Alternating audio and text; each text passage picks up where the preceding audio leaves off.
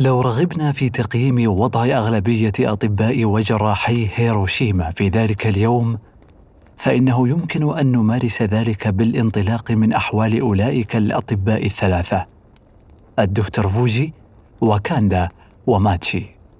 فهم عينة صالحة للتعبير عن أحوالهم. لقد دمرت مكاتبهم ومستشفياتهم وفقدوا أجهزتهم ومعداتهم. ونالتهم جراح متفاوتة. جعلتهم عاجزين عن تأدية دورهم على النحو المطلوب. كانت هذه الوضعية سببا مباشرا في عدم تلقي جرحى ذلك اليوم ما يحتاجونه من علاج ورعاية. وهو ما يفسر كم الضحايا الذين كان في المقدور استنقاذهم من الموت لو وجدوا العناية الطبية اللازمة. لقد حصد الموت 65 طبيبا من أصل 150 طبيبا حفلت بهم المدينة فيما أصيب معظم البقية بجروح متفاوتة. أما الممرضات فقد أصيبت 1654 ممرضة من واقع 1780 ممرضة. منهن من فقدت حياتها ورحلت إلى عالم الأموات أو ظلت حية ولكن بإصابات بليغة مانعة من العمل. وفي أكبر مستشفى بالمدينة مستشفى الصليب الأحمر كان ستة أطباء فقط من بين ثلاثين طبيبا قادرين على العمل فيما لم يتبقى من ممرضات المستشفى إلا عشر ممرضات فقط من بين أكثر من مئتي ممرضة. كان الدكتور ساساكي هو الطبيب الوحيد يومها الذي لم يصب بأي أذى في هذا المستشفى وقد هرع بعد الانفجار إلى مستودع المواد الطبية لإحضار بعض الضمادات. كان المستودع ككل الغرف التي رآها أثناء ركضه في أروقة المستشفى في حالة فوضى عارمة. زجاجات الأدوية ملقاة ومهشمة والجدران ملطخة بالمراهم والأدوية. والادوات الطبية مبعثرة في كل مكان. أخذ بعض الضمادات وتناول زجاجة سليمة لأحد مطهرات الجروح وأسرع عائدا إلى رئيس الجراحين وأخذ يضمد جراحه. خرج بعدها إلى الممر وبدأ في تضميد جراح المرضى والأطباء والممرضين هناك. كان عاجزا عن الرؤية بوضوح بسبب فقدان نظارته أثناء الانفجار فأخذ نظارة ممرضة جريحة وبالرغم أنها لم تطابق درجة ضعف بصره لكنها كانت أفضل من لا شيء. وظل معتمدا على تلك النظارة لأكثر من شهر بعد ذلك. ظل الدكتور ساساكي يعالج من حوله بطريقة غير منهجية. فمن كان أقرب إليه كان يحظى بخدمته وبعد وقت يسير لاحظ أن ممر المستشفى بدأ يزدحم بالمصابين بشكل أكبر وأكبر وأثناء علاجه لبعض المرضى المصابين بجروح وخدوش وهي تمثل معظم الإصابات التي عانى منها من كان بالمستشفى. لاحظ أن بعض المصابين كانوا يعانون من حروق مروعة. أدرك بعد مدة أن المصابين والضحايا كانوا يتدفقون إلى المستشفى من الخارج. كانت الأعداد كبيرة جدا لدرجة أنه بدأ يتجاوز المصابين بجروح طفيفة وقرر أن يقصر جهده على علاج من يخشى عليه من النزيف حتى الموت. بعد فترة وجيزة كان المرضى يملؤون المكان منهم المستلقي ومنهم الجالس موزعين على مختلف أنحاء المستشفى في أجنحة المرضى وفي المختبرات وفي جميع الغرف الأخرى وفي الممرات أيضا وعلى السلالم وعند مدخل المستشفى وفي فنائه بل امتدت جموعهم لأكثر من أربعة تقاطعات خارج المستشفى. كان الجرحى يعاونون غيرهم من أصحاب الإعاقات والإصابات البليغة وكانت الأسر المتشتتة تنضم لبعضها وتبدي دعمها وتضامنها. الكثير ممن كان حاضرا كان يتقيأ. وتسلل إلى المستشفى عدد هائل من طالبات المدارس ممن أخذن من فصولهن ليعملن في الخارج ولينظفن ممرات حواجز النيران. في مدينة تعدادها 245 ألفا قتل ما يقارب مئة ألف إنسان في ضربة واحدة وأصيب مئة ألف آخرون. واستطاع ما لا يقل عن عشرة آلاف جريح الوصول إلى أفضل مستشفى في المدينة وهو مستشفى لم يكن مستعدا مطلقا لهذا العدد الهائل من الحشود إذ كان يحتوي على 600 سرير فقط وكانت كلها مستعملة في ذلك الوقت. كان الناس في ذلك الحشد الخانق يبكون ويصرخون. على الدكتور ساساكي يسمعهم. سينسي سينسي سينسي أيها الطبيب. وكان المصابون بجروح أقل خطورة يجرونه من أكمامه متوسلين إليه أن يصحبهم لمساعدة أولئك ممن جراحهم خطيرة. لقد كان الدكتور ساساكي يتنقل هنا وهناك في جواربه مندهشا من أعداد الجرحى مذهولا من كمية الدم ومشهد اللحم البشري. ما أفقده كل إحساس بالمهنية حتى توقف عن العمل كجراح ماهر وفقد تلك الروح التي كانت تميزه وتبعث فيه نوازع الرحمة والتعاطف ليصبح كائنا ميكانيكيا يمسح الجرح بشكل آلي ثم يدهنه بالعلاج ثم يلفه يمسح ويدهن ويلف يمسح ويدهن ويلف وهكذا.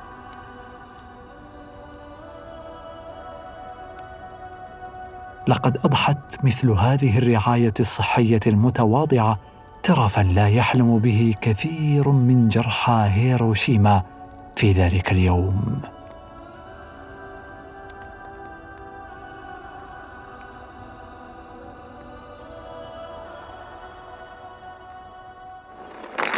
هناك بين أنقاض مكتب شؤون الموظفين في مصنع شرق آسيا للقسطير. كانت الأنسة ساساكي متكورة على نفسها تحت كومة هائلة من الجص والخشب والحديد فاقدة للوعي وظلت هكذا فاقدة للوعي بالكلية بحسب ما تذكر مدة ثلاث ساعات وكان أول إحساس سرى في جسدها ذلك الألم الفظيع القادم من ساقها اليسرى. كان السواد حالكا تحت أكوام الكتب والحطام وشكل الخط الفاصل بين حضور الوعي وغيابه برزخا ظلت تراوح بين جنباته عدة مرات وظل الألم يجيء ويذهب بحسب تنقلها بين الجانبين. وفي ذروة لحظات الألم كانت تشعر وكأن ساقها قد بترت من تحت الركبة بعد مدة سمعت خطو أقدام فوق الحطام وتعالت بعض الأصوات المكروبة من حولها. ومن تحت الأنقاض تنادي مستنجدة أرجوك ساعدنا أخرجنا من هنا. أرجوك ساعدنا أخرجنا من هنا.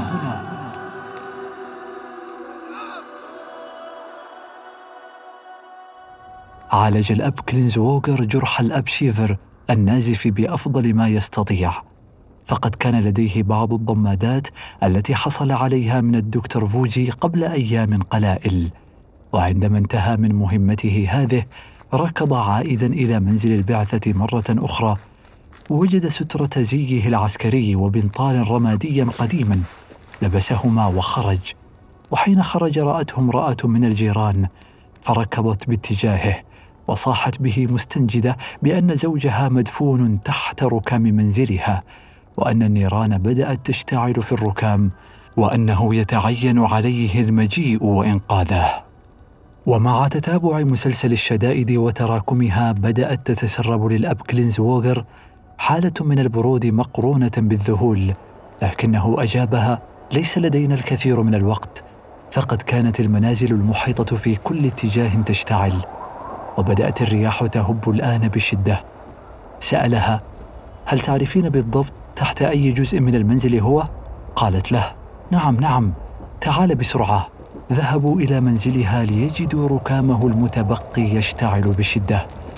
واتضح أن المرأة لم يكن لديها أدنى فكرة عن مكان زوجها. صرخ الأب كلينزوغر عدة مرات مناديا. هل هناك أي شخص هنا؟ هل هناك أي شخص هنا؟ لكن لا جواب. التفت الأب كلينزوغر للمرأة وقال لها يجب علينا الابتعاد من هنا. أو أننا سنموت جميعا. عاد بعدها إلى المجمع الكاثوليكي وأخبر رئيس الدير بأن الرياح تدفع النيران نحوهم. فقد بدأت تهب من جهة الشمال وأن عليهم الرحيل من هنا فورا.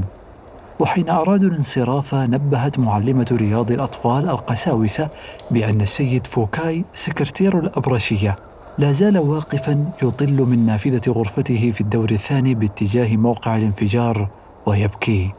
ظن الأب شيسليك بأن درج المنزل قد تهدم فركض سريعا يبحث عن سلم خلف منزل البعثة وهناك سمع صوت أناس من مكان قريب يبكون ويطلبون المساعدة من تحت سقف انهار عليهم.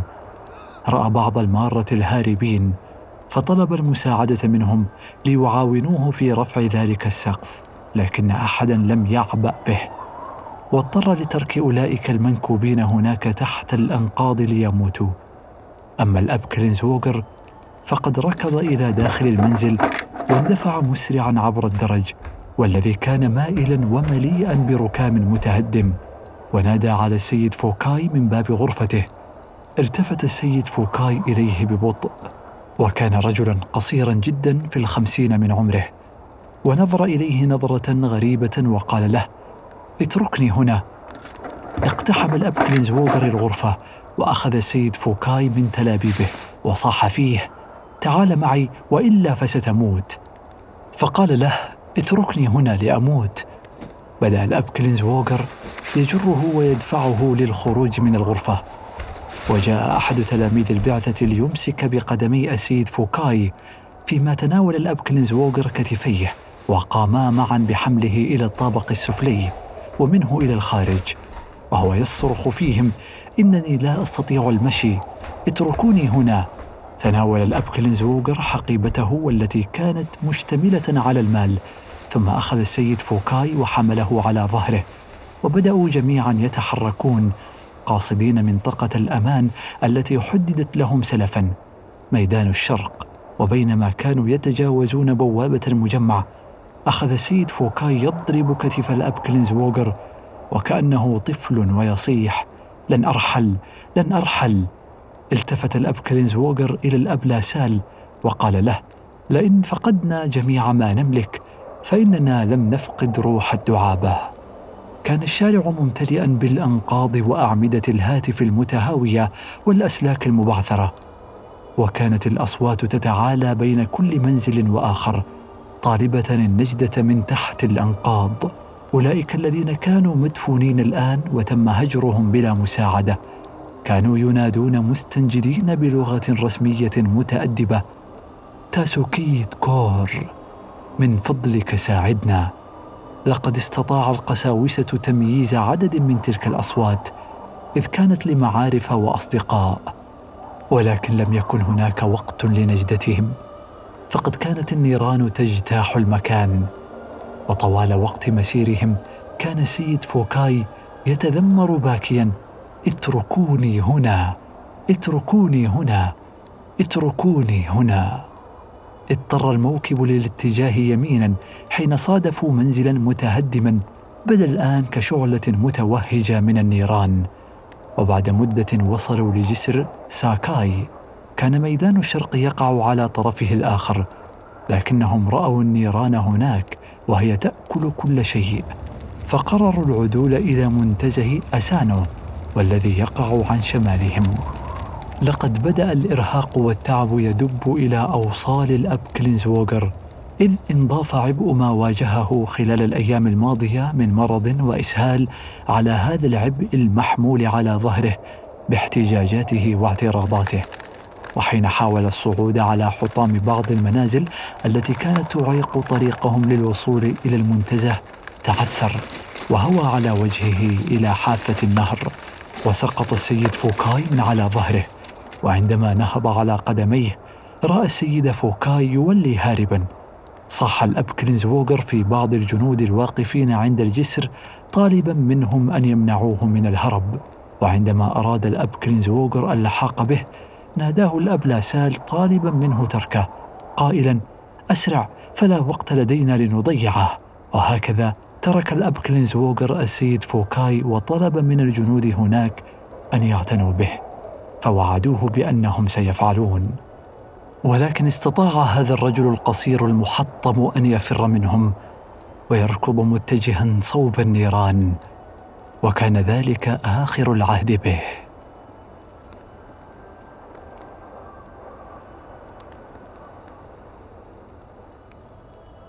كان السيد تانيموتو خائفا على عائلته وعلى الكنيسة فاختار أن يسرع إليهم سالكا أقصر الطرق المؤدية لهم. فمضى في طريق كوي العام كان الشخص الوحيد حينها المتجه نحو المدينة. بينما المئات والمئات يفرون منها وكل واحد منهم مصاب بطريقة ما فقد بعضهم حواجبه تماما. فيما كانت جلودهم تتدلى من على وجوههم وأيديهم جراء الحرائق. فيما كان البعض الآخر يرفع يديه وكأنه يحمل شيئا من شدة الألم. بعضهم كان يتقيأ أثناء مشيه وكان الكثيرون عراه أو في ملابس ممزقة.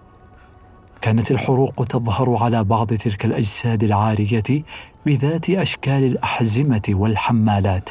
التي كانوا يرتدونها كانت أشكال الورود تظهر على أجساد بعض النساء إذ كان اللون الأبيض يعكس حرارة القنبلة فيما الألوان الداكنة تمتص تلك الحرارة وتمررها إلى الجلد لتتشكل صور تلك الورود على جلودهن من أثواب الكيمونو التي كن يرتدينها وبالرغم من تلك الإصابات فقد كان الكثيرون يعاونون أقاربهم الأسوأ حالا. كان الكل تقريبا مطرقا راسه شاخصا ببصره إلى الأمام صامتا ووجوههم خالية من كل تعبير. بعد أن قطع سيد تانيموتو جسر كوي وجسر كانون جريا على قدميه وصار على مقروبه من مركز المدينة رأى أن جميع المنازل قد سحقت تماما. وأن الحرائق قد انتشرت في كل مكان. كانت الأشجار هنا عارية من أوراقها وجذوعها متفحمة. حاول عدة مرات ومن جهات مختلفة أن يتجاوز الأنقاض ولكن محاولاته جميعا باءت بالفشل بسبب ألسنة اللهب المتصاعدة. ومن تحت ركام المنازل المتهدمة كانت صرخات الكثيرين تتعالى مستنجدة.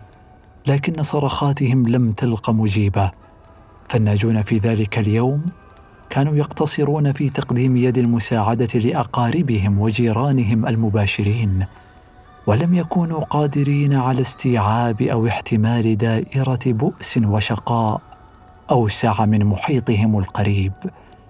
كان الجرحى الهاربون من جحيم الحرائق يجرون أقدامهم متجاوزين تلك الصرخات ولم يكن السيد تانيموتو استثناء هنا؟ فهو الآخر كان يركض متجاوزا تلك النداءات. كان كنصراني مملوءا بالشفقة والرحمة تجاه أولئك المحبوسين من تحت الأنقاض. وشعر كياباني بشعور غامر بالخزي والعار أن كان من غير المصابين. ظل وهو يركض يدعو قائلا اللهم ساعدهم وأنقذهم من تلك النيران. اعتقد أن بإمكانه تجاوز النيران بالالتفاف حولها من جهة الشمال فعاد مسرعا إلى جسر كانون وسار لمسافة بمحاذاة النهر ثم جرب أن يمضي في عدد من التقاطعات لكنه وجدها جميعا مسدودة فاستمر يجري متجها ليوكوغاوا وهي محطة تقع على سكة قطار تحيط بالمدينة كحلقة ضخمة. وحين وصلها سار بمحاذاة السكة حتى وصل لمقطورة تحترق. كان مندهشا من حجم الدمار الذي رآه فقد قطع مسافة ثلاثة كيلومترات حتى وصل إلى ضاحية كيون في السفوح. وعلى امتداد طريقه كان يرى مشاهد حرق فظيعه واناسا ممزقين. كان يشعر بالذنب وكان يلتفت يمينا وشمالا أثناء عدوه. ويقول لبعض أولئك الجرحى سامحوني إذ لم أصب بشيء مما أصابكم. وحين اقترب من جيون رأى جموعا من أهل الضواحي متجهين نحو المدينة ليقدموا يد المساعدة. وحين رأوه هتف عدد منهم انظروا هناك من لم يصب. وبمجرد وصوله لجيون انحرف مع فرع النهر الأيمن اوتا ومضى بمحاذاته ليصادف في طريقه النيران مرة أخرى.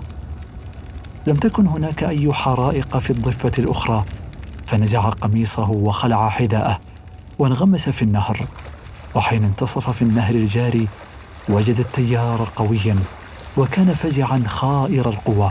فقد جرى لأكثر من أحد عشر كيلومتر وأخذه التيار وجرفه في طريقه. أخذ يدعو ويتضرع يا رب أرجوك أعني على العبور. غرق بعدها في أفكاره. من غير المعقول أن أموت غرقا وأنا المعافى من أي إصابة. فتحامل على نفسه واستطاع أن يحرك يديه وجدف بها قليلا ليصل إلى جرف في أثناء النهر. وتمكن فعلا من الوصول لضفة النهر الأخرى. وهناك مضى في طريقه ليصل إلى أحد مزارات الشنتو الكبيرة. ووجد عنده المزيد من النيران وبينما هو يحاول الالتفاف حوله وقعت مصادفة عجيبة. فقد وجد زوجته وهي تحمل ابنتهم الرضيعة أثناء التفافه حول المزار. كان السيد تانيموتو منهكا عاطفيا إلى درجة أن شيئا لم يكن يفاجئه الآن. رأى زوجته ولم يحتضنها. وإنما قال لها ببساطة أوه أنت بخير. فأخبرته أنها عادت للمنزل من أوشيدا لتدرك هناك لحظة الانفجار وأخبرته أنها ظلت مدفونة تحت الأنقاض وهي تحتضن الرضيعة في ذراعيها وكيف أن الركام كان يضغط عليها وكيف كان الطفل يبكي بين يديها. لقد رأت بصيصا من الضوء من ثغرة صغيرة وبيد واحدة استطاعت توسيعها ومضت في ذلك شيئا فشيئا. بعد نصف ساعة وصلها صوت قرقعة الخشب إنه يحترق. وأخيرا كانت الحفرة كبيرة بالقدر الذي سمح لها بإخراج طفلتها ثم خروجها هي الأخرى زحفا إلى الخارج. قالت له إنها كانت ذاهبة إلى أوشيدا مرة أخرى. فقال لها إنه يرغب في رؤية كنيسته وأن يقدم الرعاية لجيرانه من أهل الحي. وهكذا افترقوا بطريقة عادية وببرود وبذات الحيرة التي كانوا فيها في لحظة لقائهم. افضى الطريق الذي سلكه السيد تانيموتو به إلى ميدان الشرق والذي كان ملجا ومنطقة أمان للكثيرين. وهناك رأى مشاهد بشعة ومرعبة صفوفا على إثر صفوف من أصحاب الجروح الدامية والحروق. كان أصحاب الحروق يئنون ويتأوهون. ميزو. ميزو. ماء ماء وجد السيد تانيموتو طشتا في شارع مجاور وصنبور ماء لا يزال يعمل وبدأ في نقل الماء إلى أولئك الغرباء الذين يقاسون العطش والألم.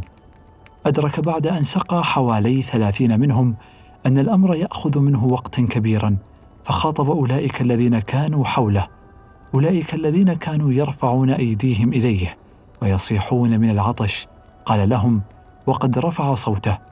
اعذروني فلدي الكثير من الناس لأرعاهم. ثم ركض بعيدا. عاد إلى النهر مرة أخرى. كان الطشت لا يزال في يده. وقفز نحو نتوء بري في النهر. وهناك رأى المئات من الجرحى بجروح بليغة للحد الذي لم يكونوا يستطيعون التحرك للخروج من حدود المدينة المحترقة. وحين رأوا رجلا منتصب القامة واقفا على قدميه معافى من أي جراح أخذوا يهتفون مرة من بعد أخرى. ميزو ميزو ميزو. فجلب لهم الماء من النهر ليتنبه إلى خطأ صنيعه. إذ كان الماء أجاجا بسبب المد. كان هناك قاربان أو ثلاثة في النهر ينقلان المصابين إلى منتزه آسانو. وحين وصل أحدها إلى الجرف رفع السيد تانيموتو صوته مرة أخرى وقدم خطاب اعتذار لأولئك الجرحى وقفز إلى القارب. أخذه القارب عبر النهر إلى المنتزه وهناك ومن بين الشجيرات وجد عددا من جيرانه ممن كان مشتركا في وحدة الحي الخاصة بهم والذين سبق أن أرشدهم لقصد هذا المكان في حال وقوع خطر داهم. ورأى أيضا عددا من معارفه ومن بينهم الاب كلينزووغر وغيره من الكاثوليك لكنه لم يرى معهم صديقه المقرب السيد فوكاي. سألهم أين فوكاي سان؟ فأجابه الأب كلينزوغر لم يكن راغبا في المجيء معنا. لقد ركض عائدا إلى المدينة.